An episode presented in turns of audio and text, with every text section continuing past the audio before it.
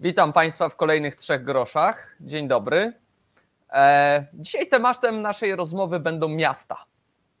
E, no, miasta to są, e, to jest wynalazek ludzki, który zbudował naszą cywilizację. Tak? Najwcześniejsze rzeczy, które my wiemy o ludzkości szerzej, to są pierwsze państwa, miasta, jeszcze daleko, daleko w Mezopotamii.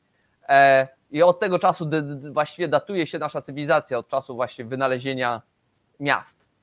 E, I od czasu, kiedy te miasta powstały, zaczynają one odgrywać coraz ważniejszą rolę w tym, w jaki sposób my funkcjonujemy.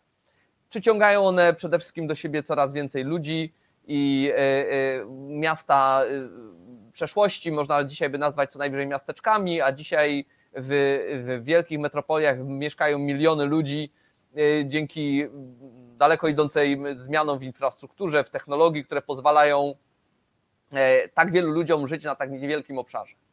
To oczywiście, proszę Państwa, wymaga e, e, bardzo wiele rzeczy, o których wcześniej nie trzeba było myśleć albo myślało się mało.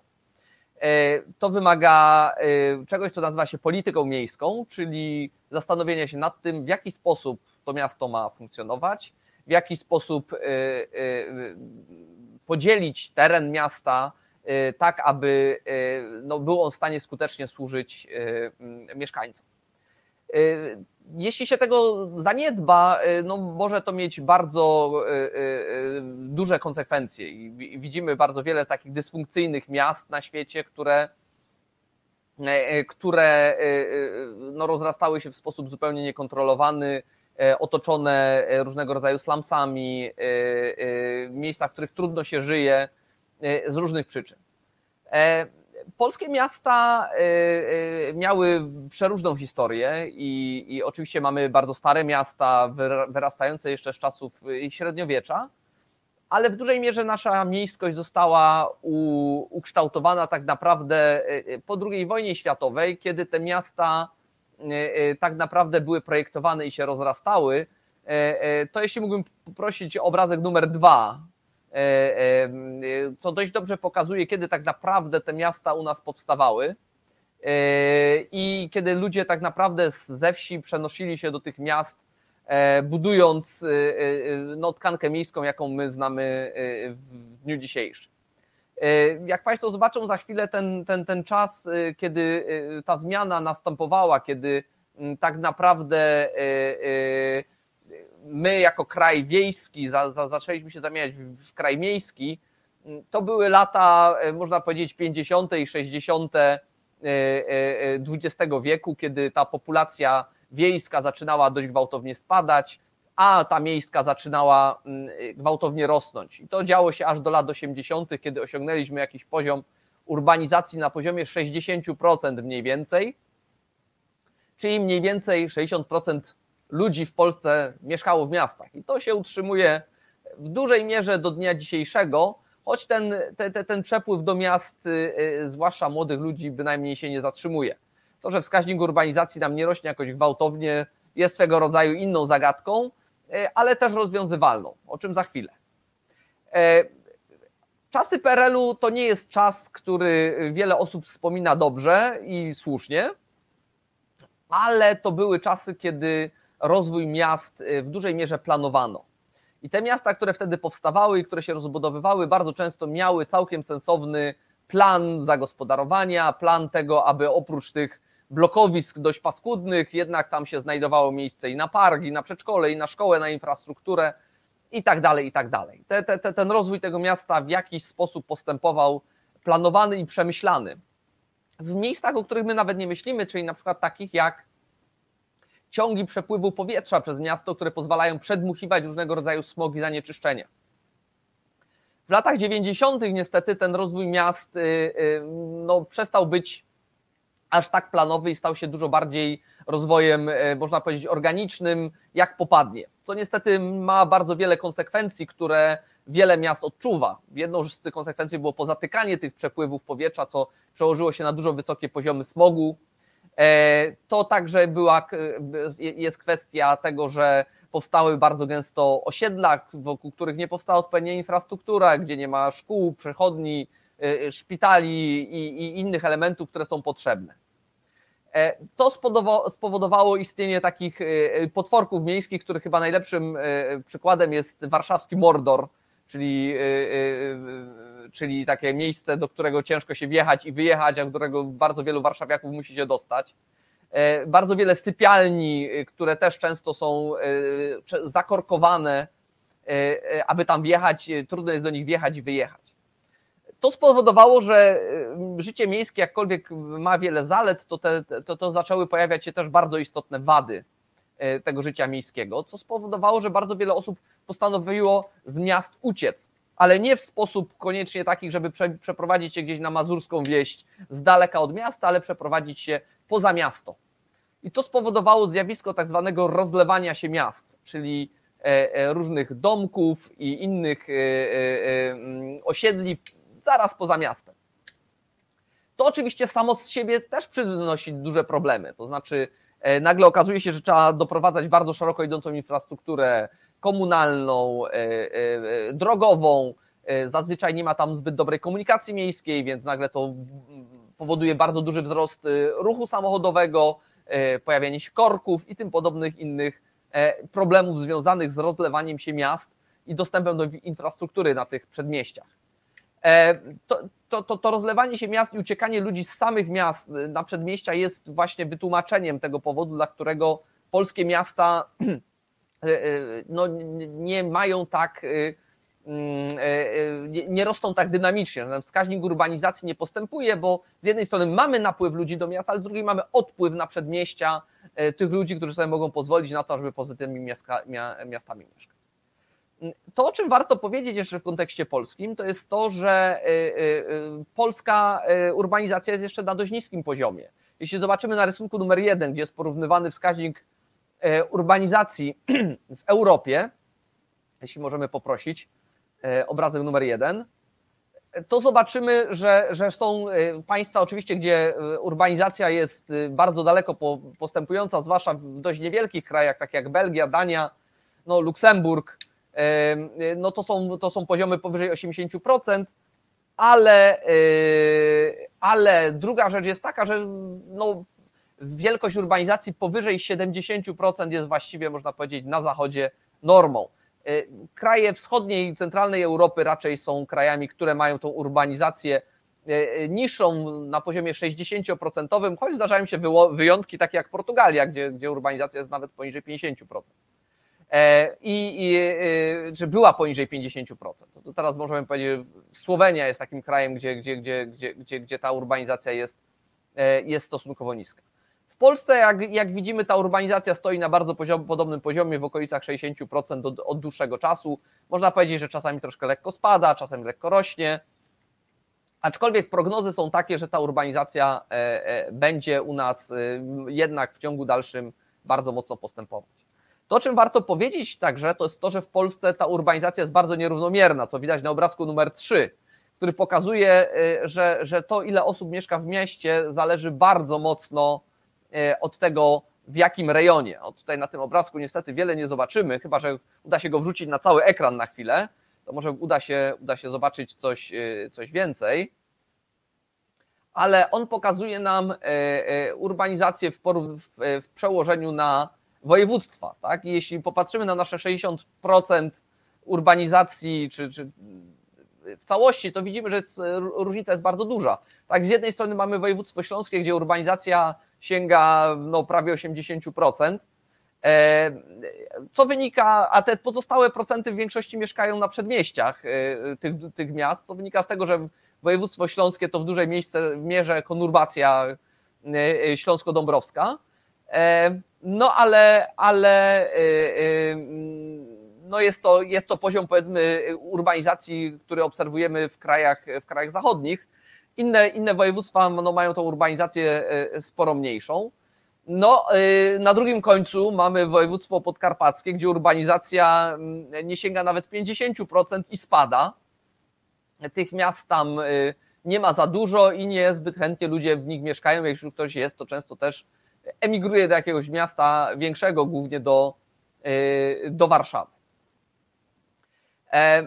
E, to, że miasta stają się duże, stawia przed nimi wielkie wyzwania i, i, i, i po tej, że tak powiem, takim rozwoju bez kontroli lat 90., coraz bardziej idziemy w kierunku tego, że miasta starają się zadbać o to, żeby one wyglądały lepiej i żyło się w nich lepiej.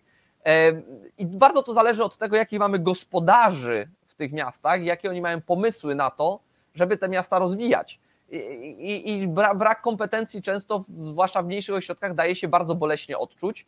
E, e, zjawiskami takimi na przykład jak betonoza słynna, czyli e, wykostkowywaniem każdego możliwego miejsca publicznego, bo takie ma być ładniejsze i, i, i przyjemniejsze, co powoduje eliminację zieleni, jakichś takich bardziej klimatycznych miejsc, a za to wstawianie rynku, który jest cały w kostce brukowej.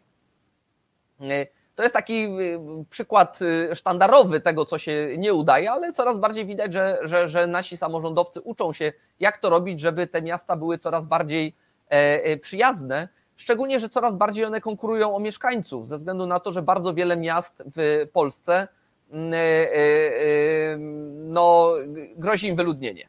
Ja za obrazek już podziękuję na razie. Oczywiście na szczycie tych, y, tej, tej, tej listy miast, y, którym grozi wyludnienie, króluje od lat Łódź, e, ale, ale mamy, mamy inne miasta, również właśnie w aglomeracji śląskiej e, i śląsko-dąbrowskiej, które, które znajdują się tutaj e, no, na froncie wyludniania, czyli Bytom, Sosnowiec, to są miasta, które mogą się wyludnić o jedną trzecią w przeciągu najbliższych 15, 15 lat.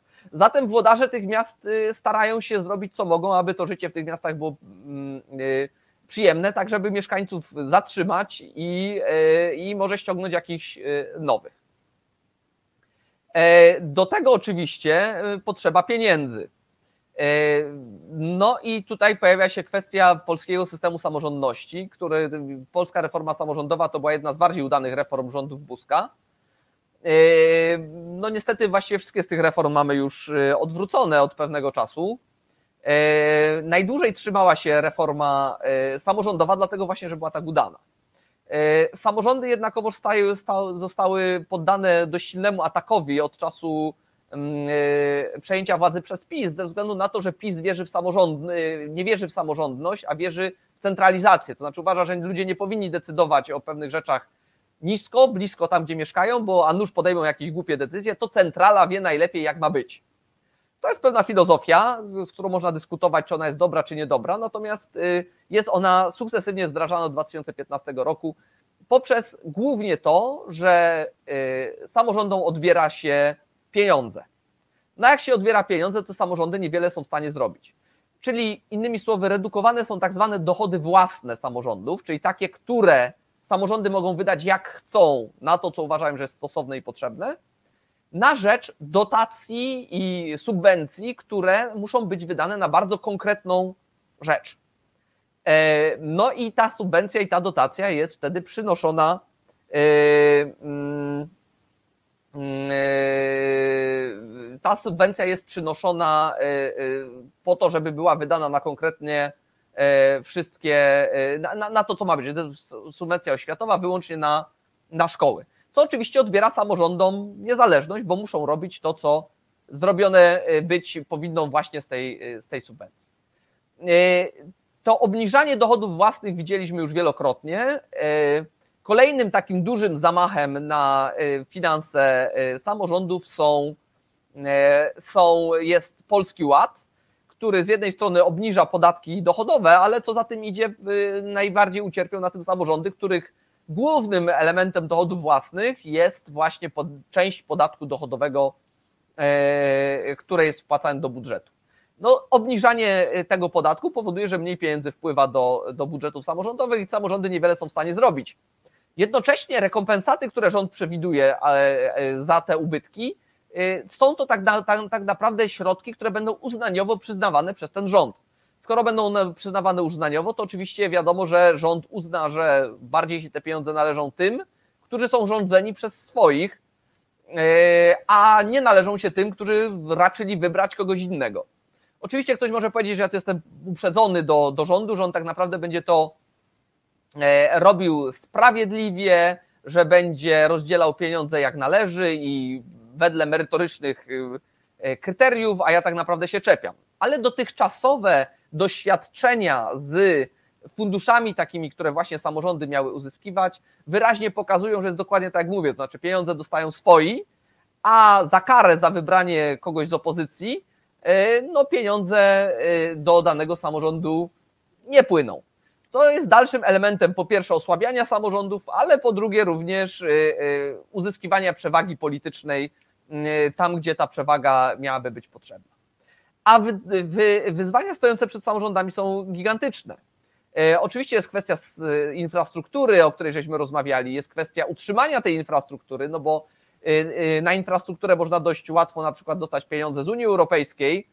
E, I tu pojawia się inna kwestia, na ile ta infrastruktura została zbudowana, jest potrzebna albo niepotrzebna, sensowna albo bezsensowna, ale jak już się postawi tą infrastrukturę, no to w tym momencie niestety, ale tę infrastrukturę trzeba też utrzymywać, a to też kosztuje. Ale inną kwestią, którą obserwujemy, jest kwestia związana z mieszkalnictwem. To jest problem polski, ale nie tylko polski, bo ogólnoeuropejski tego, że y, y, ceny mieszkań, ale też ceny wynajmu w miastach rosną i to rosną bardzo szybko i często szybciej niż płace. Co powoduje, że bardzo wiele osób jest z tych miast wy, wy, wypychanych. U nas ten problem zaczyna się zarysowywać, zwłaszcza ze względu na galopujące ceny mieszkań a domyślnym sposobem mieszkalnictwa w Polsce jest posiadanie mieszkań. Jesteśmy fenomenem w skali Unii Europejskiej, jeśli chodzi o to, ile osób posiada mieszkania w taki czy inny sposób. E, ale rynek najmu jest tutaj też dość mocno e, e, problematyczny, no bo jeśli rosną ceny mieszkań, to rosną też ceny najmu. Natomiast mieszkalnictwo socjalne czy mieszkalnictwo komunalne jest słabo istniejące w Polsce z powodów też poniekąd zrozumiałych, bo ono kosztuje, żeby zainwestować, bo z niej nie ma dochodów, e, bo często rodzi ze sobą e, problemy, e, także z lokatorami. No ale taki rozwój sytuacji w tą stronę powoduje różnego rodzaju patologie. W Polsce tą, tą patologią najczęściej opisywaną są patologie w wynajmie prywatnym, kiedy to osoby, które wynajmują mieszkania, na przykład nie mogą w tych mieszkaniach nic zrobić, nie mogą pomalować, nie mogą mebli wymienić, nic nie mogą zrobić, co tak naprawdę kątem e, mieszkają, można powiedzieć. E, ale inne podejścia też miewają swoje patologie, czego najlepszym przykładem jest Berlin, który ma gigantyczne problemy z cenami najmu od dawna, e, z którymi władze próbują sobie radzić, ale nieskutecznie. Jakiś czas temu próbowały zamrozić ceny czynszu, co spowodowało upadek podaży, znaczy przestały się pojawiać nowe mieszkania na rynku. Czyli co się stało? Ci, którzy byli w mieszkaniach i dostali te mieszkania i te mieszkania po niskich czynszach mieli, oczywiście zaczęli trzymać rękami i nogami, żeby czasem z nich się yy, nie wyprowadzić, natomiast nikt nowy nie inwestował w mieszkania, bo wiedział, że na nich nie zarobi, no bo czynsz będzie zamrożony. E, teraz obserwowaliśmy referendum w Berlinie, w którym Berlińczycy opowiedzieli się za nacjonalizacją mieszkań posiadanych przez wielkie fundusze. E, oczywiście to nie znaczy, że to się stanie. E, długa droga jeszcze przed e, Berlińczykami. Wątpliwym jest, czy tak się stanie, a także wątpliwym jest, czy jest to rozwiązanie na dłuższą metę, bo znowu, jeśli zabierze się mieszkania mm, właścicielom, dość wątpliwym jest, czy ktokolwiek więcej będzie starał się te mieszkania budować. E, tak czy inaczej, mieszkalnictwo jest gigantycznym problemem. Jeśli miasta by się miały w to zaangażować, to wymaga znaczących środków. Środków, które miasta mieć nie będą, jeżeli będziemy szli w kierunku, w którym idziemy. I o tym, jak wygląda polityka miejska, jak wygląda Polski Ład i e, jakie to ma konsekwencje dla, e, dla naszych miast, będziemy rozmawiać już po przerwie e, z Arturem Celińskim z DNA Miasta. A teraz zapraszam Państwa na krótką muzyczną przerwę. Reset Obywatelski działa dzięki Twojemu wsparciu. Znajdź nas na zrzutka.pl. Witam Państwa po przerwie. Witam Cię, Arturze. O, nie słychać Cię. Powinno być nie słychać. A teraz już słychać. Tak, dobry wieczór w takim razie jeszcze raz. Witaj Tomaszu. rozmawiamy, zajmujesz się od wielu, wielu lat polityką miejską, od czasów jeszcze jak to o tej polityce miejskiej w ogóle nic nie było słychać. E, I to nie tylko w tych miastach dużych, o których słychać na okrągło, ale też w tych miastach mniejszych. I najpierw chcę Cię zapytać tak z dużej, z dużej odległości, jakie są właściwie największe wyzwania, które stoją przed, przed polskimi miastami teraz? E, myślę, że te wyzwania Wszystkich, wszyscy ich, znaczy, można je podzielić na te, które doświadczamy na co dzień, poruszając się po mieście, funkcjonując w tych mieście i te, które gdzieś się dopiero pojawiają bardzo mocno i za chwilę będą kluczowymi wyzwaniami, ale e, dla większości z nas jeszcze one nie są odczuwalne. To, co odczuwamy na dzisiaj, tak, to jest kwestia w ogóle planowania e, rozwoju miast, powiązania na planowania przestrzennego z planowaniem e, ekonomicznym, społecznym i rozwojem społecznym, rozwojem ekonomicznym. Te miasta są często źle zaplanowane, porozrastały się po różnych suburbiach, co sprawia, że organizacja transportu publicznego jest karkołomnym wyzwaniem, a konsekwencją tego jest, są na przykład gigantyczne korki, które obserwujemy ostatnio na ulicach Warszawy. No widać, że warszawiacy e, postanowili poruszać się samochodem, generują korki, stoją w tych korkach i potem na to narzekają. Potem mamy e, wyzwania związane właśnie na przykład z polityką mieszkaniową. Kupić mieszkanie w Warszawie, czy wynająć mieszkanie w Warszawie w dobrej lokalizacji, e, to takie odpowiednie dla rodziny, czyli na przykład dwóch dorosłych osób, dwoje dzieci, tak żeby miał, każdy miał przed swój pokój, jakąś przestrzeń dla siebie, no to jest, zaczyna być bardzo droga sprawa i jakby z tym sobie też trzeba e, e, radzić. Oczywiście mniejsze miasta niż Warszawa, średniej wielkości miasta, małe miasta, mają jeszcze taki problem związany z definiowaniem swojej przyszłości, znaczy na przykład tego, jak się będą rozwijać. I to z jednej strony mamy takie miasta, które no, są w takiej trochę fazie degradacji czy utraty swoich, swoich funkcji wobec otaczającego regionu, które jakby tracą miejsca pracy, które tracą perspektywę na dobry rozwój, ale mamy też takie miasta jak Rybnik, które w związku z przemianami klimatycznymi, w związku z tym, że no, za chwilę będziemy musieli dokonać głębokiej transformacji gospodarek miejskich, tych na przykład tak jak Rybnicka oparta i mentalnie, i realnie na kopalniach, no to dla nich to jest wyzwanie na zasadzie tego, co w zamian, jak to zdefiniować. No i tutaj przechodzę do, tego, do tych wyzwań, które gdzieś jeszcze czają się na, na, na horyzoncie. To są oczywiście wyzwania klimatyczne. My w naszych miastach się dusimy, my w naszych miastach umieramy szybciej. Nasze dzieci chorują częściej przez to, że mamy takie, takie jakby mm, e, zanieczyszczenia w powietrzu. Coraz częściej znajdujemy drobne elementy plastiku w ciałach naszych dzieci, bo to są badania jakby jasno pokazujące, że rzeczywiście takie fakty e, istnieją. No i, e, no i zaraz się okaże nagle, że mamy też problem potem z takimi rzeczami jak powodzie nagłe, bo te miasta nie są do tego przygotowane. Miasta, miasta nie są odporne na kryzysy, też w związku z tym klimatyczne. No i tutaj też będziemy musieli coś z tym sensownego zrobić, no ale na razie trochę jest taki dryf w tym kierunku, więc zobaczymy, jak to się będzie wyglądało, tak dużym wstępem. E, ale co, co tu stoi na przeszkodzie? Bo ja to tak sobie wyobrażam, nie znając się na temacie, tak? Kilka rzeczy. Jedną rzeczą, którą sobie mogę pomyśleć, że to, że ci włodarze może sobie nie zdają sprawy, oni sobie tam swoje dłubią i, i generalnie nie wiedzą, że się trzeba tym zająć, albo nie wydaje się to być istotne. Albo może to jest kwestia politycznie nie, y, y, niewygodna, tak? Jestem w stanie sobie wyobrazić, że no dobra, można by zrobić jakieś buspasy, ścieżki rowery, coś takiego, ale jak wytnę jeden, jeden pas z drogi, to mnie ta większość, co właśnie lubi samochodami jeździć, zje i mnie nie wybierze na następną kadencję. Ja widziałem na internecie ileś tam akcji pod tytułem nie dla buspasa albo tam nie dla czegoś tam jeszcze innego i całkiem popularne one były, tak? Całkiem wielu zwolenników gromadziły czy na przykład, no nie wiem, ja mieszkając w swojej gminie, która miejską nie jest, powiedzmy tylko podmiejską, tak, tutaj co szósty dom pali śmieciami, w związku z czym atmosfera jest, bym powiedział, dość gęsta.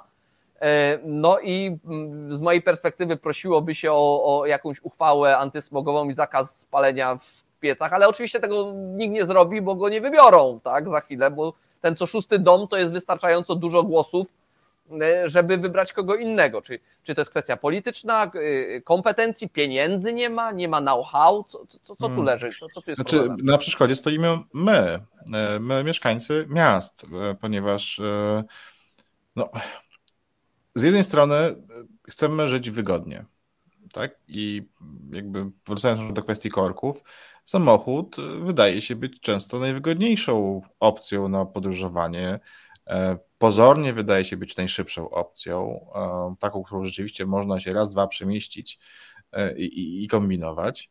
Pod warunkiem oczywiście, że na ten sam pomysł nie wpadną wszyscy nasi sąsiedzi, bo jeśli każdy z nas zgodnie z, z definicją swojej wygody wsiądzie w samochód i będzie tym samochodem poruszać się po mieście, to po prostu nigdzie nie będziemy jeździć, bo wszyscy będziemy stać w korkach.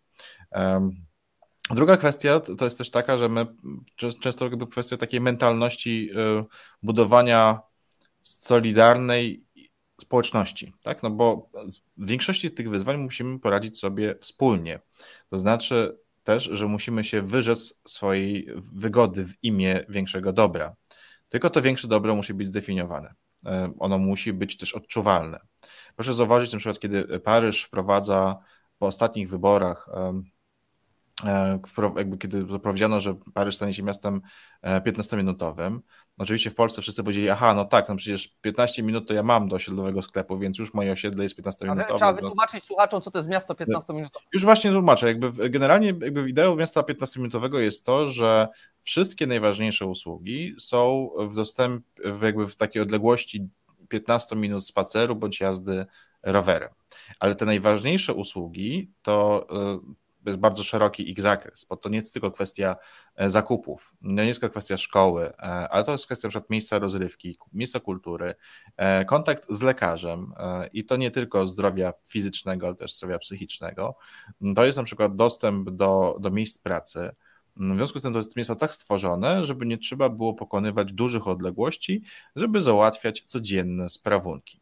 E, problem tylko w tym, że oczywiście my w Polsce jakby e, bardzo lubimy upraszczać takie sytuacje i część osób mówi, no tak, no ja żyję w takim mieście, gdzie rzeczywiście ono jest takiej wielkości, że z jednego końca na drugi w 15 minut rowerem to ja jeszcze obrócę i wszystko jest fajnie, w związku z tym my to już dawno mamy, już dawno wymyśliliśmy, a to nieprawda e, i nigdy w Polsce nie będziemy mieć piasa miasta 15-minutowego, ponieważ nie kontrolujemy swojej polityki mieszkaniowej w miastach, to o czym mówiłeś we wstępie, a to jest bardzo ważny element jakby tej, tej, tej kwestii. No i powszechność, to znaczy, że wszystkie obszary miasta stają się, czy budujemy wszystkie obszary miasta w tej samym tempie, e, w, tak żeby one były super dostępne e, i można było się po nich poruszać właśnie samochodem i rowerem, co też oznacza zmianę modelu mobilności, czyli żegnamy samochody, czyli może nie inaczej, bo tu nie chodzi o zakazanie samochodów, to chodzi o przywrócenie właściwych proporcji pomiędzy przestrzenią, którą oddajemy na e, samochody i przestrzenią, którą dajemy pieszym i rowerzystom.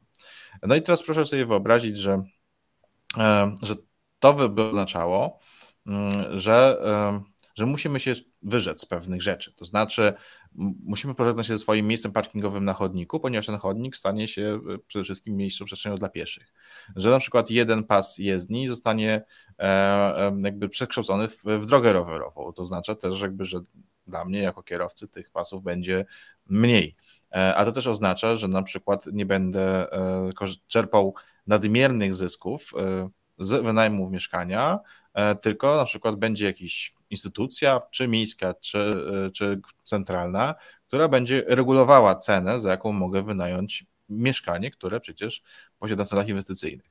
No i pytanie e, kluczowe jest, co ja za to dostanę? Czy dostanę za to coś, co będzie dla mnie równie ważne i wartościowe, bo na przykład zyskamy przestrzeń, w których po prostu będziemy mogli się czuć bezpieczniej, w której będziemy mogli w świeżym powietrzu, e, w którym jakby ta, znajdzie się miejsce na zieleń i to życie w mieście stanie się wielką przyjemnością i co więcej, nie będzie nas zatruwało. No więc jakby odpowiadając na swoje pytanie, kto, kto tu stoi na przeszkodzie, to bym powiedział, my stajemy na przeszkodzie. I tutaj jeszcze jedna kwestia, e, musimy też pamiętać o pewnym ubóstwie i wykluczeniu. Tak? To, że ktoś e, pali w piecu śmieciami, śmiećmi, no to nie wynika tylko może nie zawsze wynika tylko z cynizmu czy takiego cwaniactwa kogoś, ale proszę pamiętać o tym, że koszty ogrzewania potrafią być naprawdę bardzo wysokie. Jeśli ktoś posiada e, stary dom, nieuszczelniony, e, bez termoizolacji, e, no to te koszty mogą być naprawdę gigantyczne i po to właśnie też jest państwo czy samorządy, żeby w takich sytuacjach wspierać, wspomagać i to się dzieje, bo jest tam proces wymiany pieców i tak dalej, ale mimo wszystko z jednej strony mamy ten wprowadzenie zakazów, ale z drugiej strony powinniśmy mieć bardzo taką też wrażliwość i otwartość na to, że nie wszyscy, którzy, nie wszyscy mają się czego wyrzec w imię wspólnego dobra, bo są na przykład e, tak ubodzy, e, czy, czy, czy, mają zupełnie inne, inną strukturę dochodów, że po prostu ich na to nie stać. No jak już jesteśmy przy pieniądzach, a i program ekonomiczny, to porozmawiajmy właśnie o tym. To znaczy, mhm. oczywiście, że wiadomo, że każdy zawsze narzeka, że tych pieniędzy ma za mało. Nie słyszałem kogoś, kto by powiedział, że ma dość. Więc i o tym, że samorządy mówią, że mają za mało pieniędzy, ja już słyszę przynajmniej za dwie dekady. Prawda? Ciągnie. No, myśmy zawsze słyszeli, że Polska jest krajem biednym. Prawda? Teraz już coraz rzadziej się to słyszy. Rząd mówi, że mamy mnóstwo pieniędzy, ale wciąż jakby istnieje przeświadczenie takie, że my jesteśmy dopiero na dorobku, jesteśmy biedni, w związku z tym e, to, co jest dobre dla krajów, które już się dorobiły, niekoniecznie sprawdzi się w naszym przypadku. Ale no poniekąd trudno się kłócić. Nie jesteśmy krajem jeszcze bardzo bogatym, no bardzo biednym też nie jesteśmy. Gdzieś krajem na dorobku jesteśmy niewątpliwie. E, inna sprawa jest taka, czy nie warto przeskoczyć pewnych mm, z etapów Albo rozwoju. inaczej zdefiniować kwestię tego bogactwa, czy jakby dochodu, czy rozwoju, bo tu też można byłoby dyskutować, prawda? Ale rozumiem, że nie, nie o tym dzisiaj chcemy rozmawiać. Nie, nie. No, oczywiście nam się udało wiele stopni rozwoju w bardzo wielu zakresach przeskoczyć. To jest inna, inna kwestia. To jest pewna dywidenda zacofania, że można, że tak powiem, wskoczyć od razu w najnowocześniejsze i nie ciągnąć za sobą bagażu jakiegoś, tak. E, ale to jest kwestia tego, y, jak wygląda rzeczywiście pole manewru tych samorządów I to w szerokim przekroju, bo pewnie inaczej to wygląda w Warszawie, a inaczej to wygląda e, w Łącku gdzieś, prawda, czy, czy, czy w Nowym Sączu, czy, czy jeszcze w innym miejscu. E, to znaczy, czy te samorządy rzeczywiście tak jak teraz alarmują, szczególnie przy okazji wprowadzenia Polskiego Ładu, nie będą w stanie realizować swoich zadań ze względu na to, co się dzieje, czy, czy, czy histeryzują trochę? Na pewno nie histeryzują, bo y, mamy do czynienia w Polsce z taką postępującą centralizacją i te samorządy nie tylko są jakby obarczane coraz e, większymi wydatkami, um, oczywiście mają też większe dochody, ale to, to jakby, jakby porównać, zrobić pewien bilans no, i zrobić to bardziej merytorycznie niż ostatnio europoseł Jaki, to wtedy byśmy zauważyli, że, że jakby realnie e, tych pieniędzy w samorządach jest mniej, no bo pamiętajmy o tym też, że jakby rosną koszty. Ale też pozbawia się samorządy pewnego wpływu na kształtowanie szeregu usług e, typu edukacja, tak? No, to jest to jest jakby bardzo ważna kwestia. No i teraz jakby przy okazji Polskiego Ładu no, szacuje się, że w ciągu 10 lat e, samorządom, samorządy utracą 145 miliardów złotych, z, jak rozumiem, części należnych im e, przychodów, e, z na przykład e, z podatków lokalnych czy podatku PIT, w których jakby te samorządy partycypują. No i, no i z jednej strony oczywiście jest to zagrożenie, że, że będzie finansowo źle.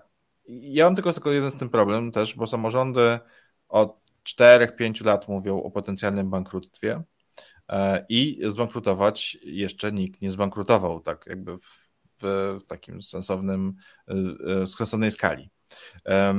Często też jakby słyszę informacje z jednej strony, że, tych pieniędzy, że jest jakby ciężka sytuacja budżetowa w różnych miastach, ale z drugiej strony widzę szereg jakby takich inwestycji, które świadczyłyby o tym, że te miasta są bogate, no budują stadiony, poszerzają sobie drogi i tak dalej, zamiast inwestować w najtańsze rozwiązania e, komunikacyjne, na przykład drogi rowerowe e, i, i, albo tramwaje, i tak dalej.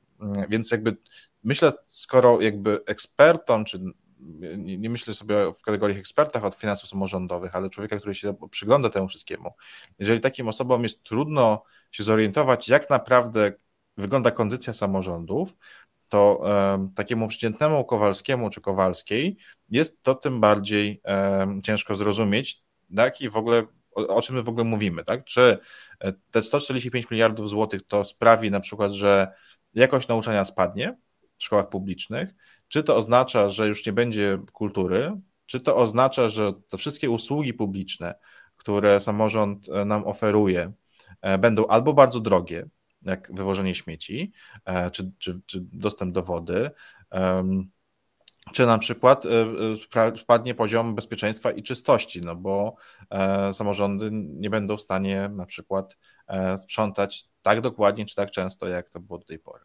No i jakby jeżeli mieszkańcy nie są w stanie tego dostrzec, bo to jest efekt tego, że samorządy o swoich budżetach, czy miasta o swoich budżetach przez długi czas nie mówiły, nie edukowały, e, nie wiem, czy ktokolwiek z Państwa tu oglądający kiedykolwiek zerknął do ustawy budżetowej jakiegokolwiek samorządu i przeczytają z zrozumieniem. No, to, to jest jakby karkołomne zdanie, e, więc jakby to nie jest, nie jest kwestia, czego histeryzują, czy nie histeryzują, tylko jest kwestia tego, co można zrobić e, i czy ludzie w ogóle się poznają, czy ludzie to zrozumieją i czy widzą zależności i moim zdaniem e, nie widzą, no i dlatego tak samorządom trudno się przed tym wszystkim obronić. I dlatego tak podnoszą takie hasła, które wskazywały na histerię, no bo jak inaczej zwrócić uwagę E, na pewną niesprawiedliwość i niekorzystne rzeczy, które się dzieją w istocie. E, no tutaj niewątpliwie nam przyjdzie zobaczyć, to już oczywiście zależy od tego, czy i kiedy polski ład wejdzie w życie. No to się no tak, nie dowiemy Musimy sobie jasno powiedzieć, polski ład z punktu widzenia samorządów jest głęboko niekorzystny. E, I co więcej, on wprowadza mm, znaczy, może tak, rząd wybija e, zęby samorządom, no bo powiedzmy sobie, że teraz jako społeczność samorządowa, mając burmistrza, czy prezydenta, czy prezydentkę, niezależnie, e, możemy jednocześnie mieć i wpływ na pewną charakter polityki miejskiej, na jej kształt, na, na, na cele strategiczne i tak dalej, ale też mamy mm, jakby w rękach wszystkie możliwości sfinansowania naszych marzeń czy naszych celów. Tak? No, oczywiście Rada Miasta E, podejmuje decyzję na wniosek e, prezydenta czy prezydent e, i w jaki sposób możemy sobie sami samorządzić. Tak, jakby możemy to zrobić. Polski Ład wprowadza jakby taką zasadę, że w związku z mniejszymi dochodami samorządu przewiduje się rekompensatę w postaci takiego krajowego funduszu przeznaczonego na inwestycje w samorządach. Problem polega na tym, że decyzję taką finalną o tym, który samorząd dostanie te pieniądze, podejmuje premier, e, czy będzie podejmował premier polskiego rządu. Więc proszę sobie wyobrazić, że to jest tak, że, mm, że jako rodzina każdy z nas e, ma powiedzmy gospodarstwo domowe, e, wspólnie sobie decydujemy, no dobrze, w przyszłym roku będziemy chcieli sobie wymienić na przykład piec i sprawić, żeby on był bardziej energooszczędny czy, czy efektywny. No i normalnie byłoby tak, że bierzemy nasze pieniądze, oszczędzamy, bierzemy kredyt, wymieniamy ten piec. A dzisiaj będzie tak, że możemy sobie oczywiście takie marzenie sformułować i wyślemy wniosek do rządu na bliżej nieokreślonych jeszcze e, zasadach i będziemy oczekiwać, czy ten premier tego rządu nam taką decyzję pozytywną podejmie, czy negatywną. E, I jak wiemy z doświadczenia z rządem PiSu, te decyzje często są e, niemerytoryczne, czy nieuzasadnialne w sposób merytoryczny. E, nie ma kryteriów, nie ma punktacji, nie ma jakby w tym sensu jakiegoś jakiejś logiki, więc może się okazać, że mimo tego, że ten piec jest nam potrzebny, już trzymając się tej metafory gospodarstwa domowego, no to ten premier powie, no nie, nie, nie zgadzam się, y, y, są ważniejsze potrzeby. Tak? No i nigdy nie poznamy większego uzasadnienia, a z drugiej strony, jeśli ten premier powie, dobrze, świetnie, ten piec jest wam potrzebny, ja wam ten piec pozwolę e, zrobić za wasze własne pieniądze e, i potem przyjadę sobie na takie, jak już ten piec zostanie zamontowany, przyjadę sobie na, na taką, e, na, na, na pierwsze odpalenie tego pieca i powiem, zobaczcie, dobry premier, czyli ja, dał wam ten piec, pozwoliłem go wam zamontować, jestem fantastyczny, bo się troszczę o was, ale tutaj, panie gospodarzu, no przewróci się do mnie, no jak się idzie z furtki do domu, to ten chodnik to taki dziurawy jest, nie? To pan to musi jeszcze trochę jako gospodarz e, tutaj popracować, poćwiczyć, e, bo nie jest pan tak dobrym gospodarzem jak ja. No I teraz przyłóżmy sobie na samorząd. E, samorząd, powiedzmy, nie wiem, Warszawa zwróci się do rządu w rekompensatę w postaci takiej dotacji na inwestycje. Rząd, powiedzmy, przyzna, e, kiedyś zostanie ukończona, wysiłkiem jakby samorządu, bo to samorząd rozumiem, będzie nadzorował tą całą, pracę, przyjedzie dwóch, trzech, czterech ministrów, przetną sobie wstęgę i jeszcze no, korzystają otwarcie tej inwestycji jako pretekst do własnego PR-u i e, e, sztyczka w nos e, konkurentom z samorządu, e, krytykując na przykład, no tak, tutaj jest świetnie, bo myśmy dali pieniądze, ale drogi dziurawe, no i co panie burmistrzu czy pani prezydent, jak tutaj się rządzi? Gdyby rządził ten rząd wszędzie, to przecież byłoby super. No właśnie o to chodzi i to jest bardzo, bardzo niebezpieczne, bo też rozmyje odpowiedzialność i kompetencje, kto za co odpowiada, kto jest kim, do kogo trzeba się zwracać w sytuacjach, kiedy czegoś oczekujemy czy czegoś potrzebujemy. ten kierunek jakby nie jest specjalnie dziwny ze względu na to, że nie PiS jest. nie rządzi w żadnym większym mieście albo w bardzo niewielu jakichkolwiek miastach. Tak. W związku z czym y, y, pognębienie tychże miast jest y, no, rządowi na rękę, tak? I przekonanie ich do tego, żeby, żeby było inaczej. Choć nie wydaje się, żeby taki kierunek w jakikolwiek sposób skutkował, jak do tej pory nie widać większych sukcesów PiSu w miastach na chwilę obecną, prawda? No, oczywiście, że jeszcze nie widać, no bo jakby te, te zmiany e, obecne nie okazywały się aż tak bardzo dotkliwe finansowo. E, też samorządy, mam wrażenie, że to idzie tego jakoś to będzie. To znaczy się, jakoś ta edukacja nasza funkcjonuje, jakoś ta służba zdrowia funkcjonuje i jakoś te samorządy też funkcjonują.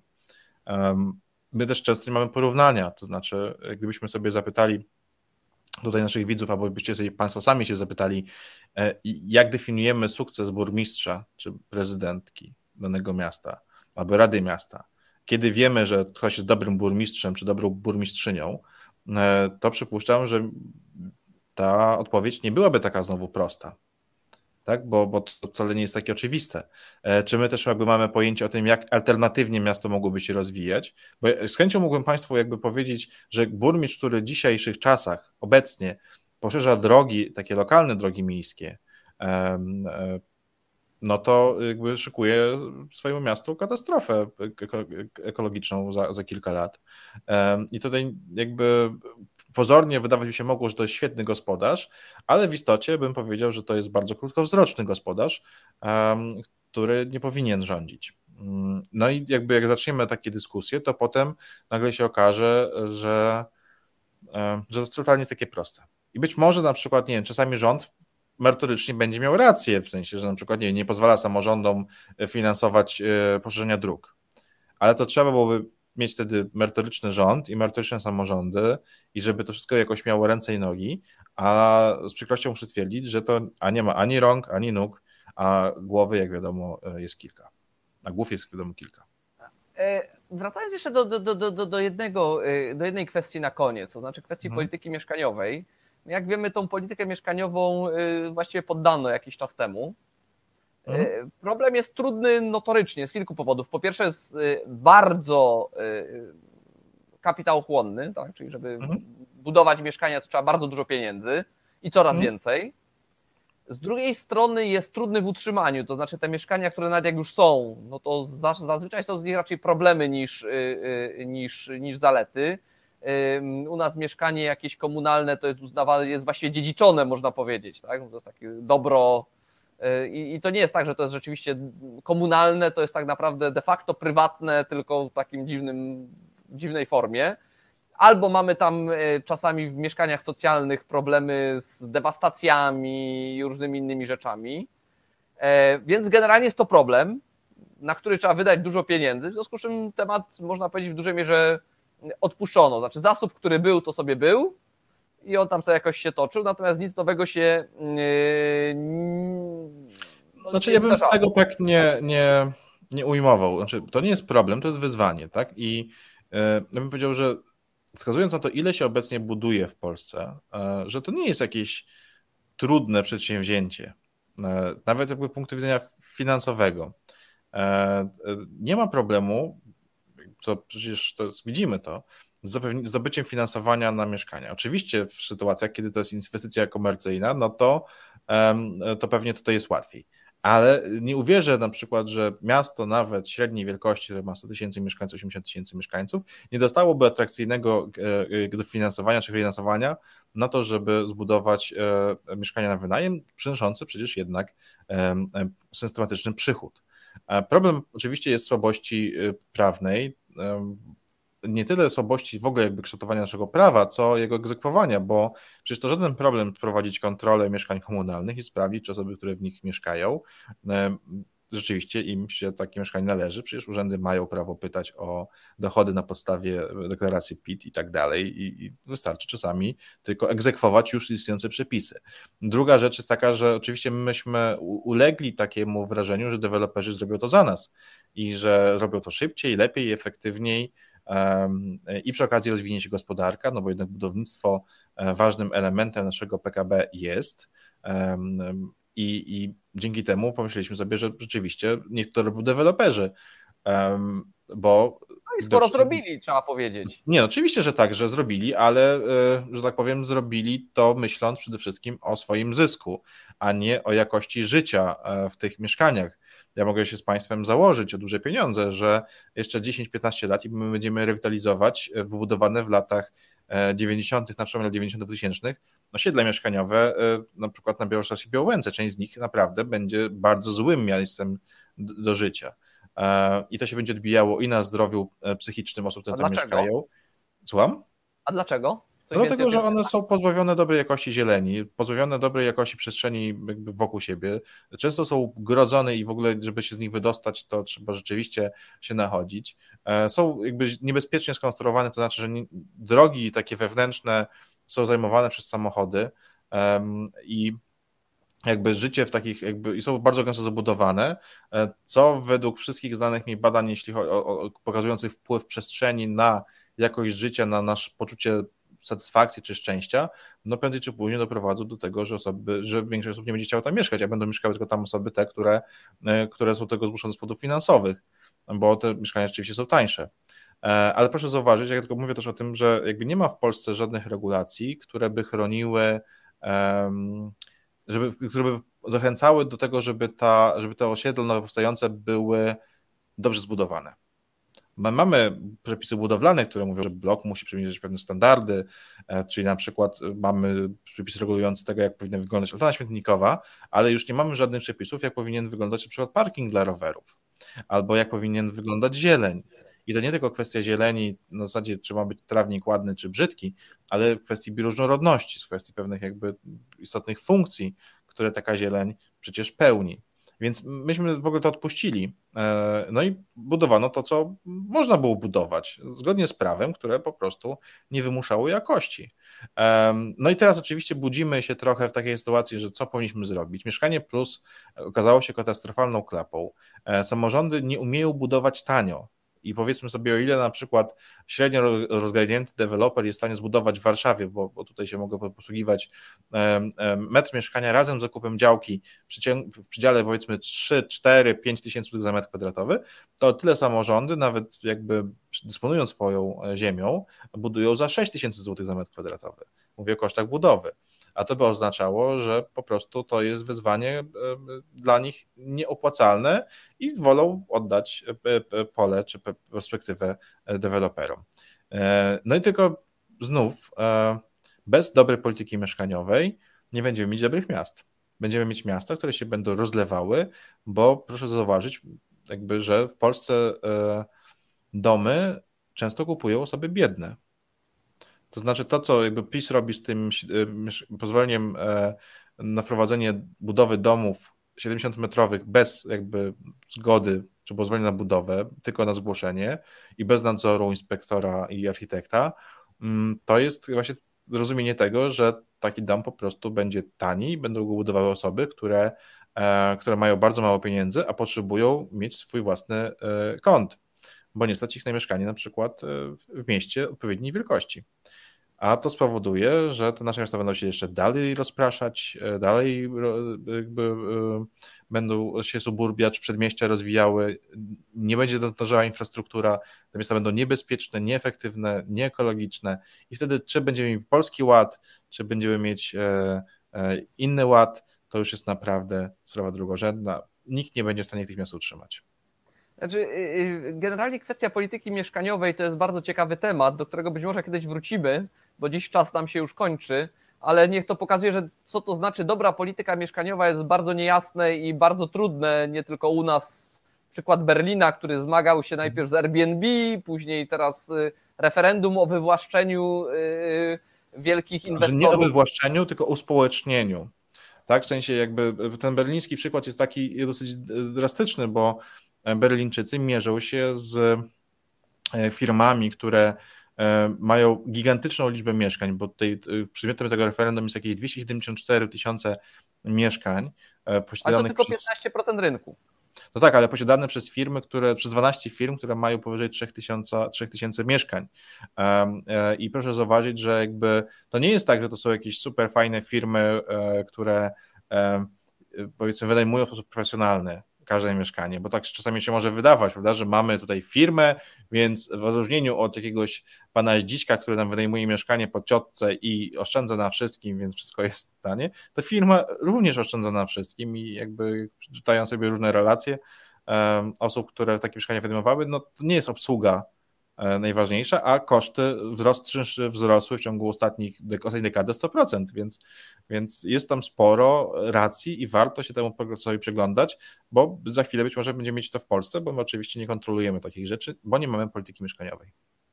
I o tym mam nadzieję, że sobie kiedyś porozmawiamy, a dzisiaj Arturze dziękuję bardzo. Dziękuję Ci e, bardzo. Cieszę się, że, że byłeś naszym gościem. Dziękuję. Dziękuję Państwu e, za uwagę i zapraszam na kolejne trzy grosze e, już za tydzień. A tymczasem życzę miłego wieczoru.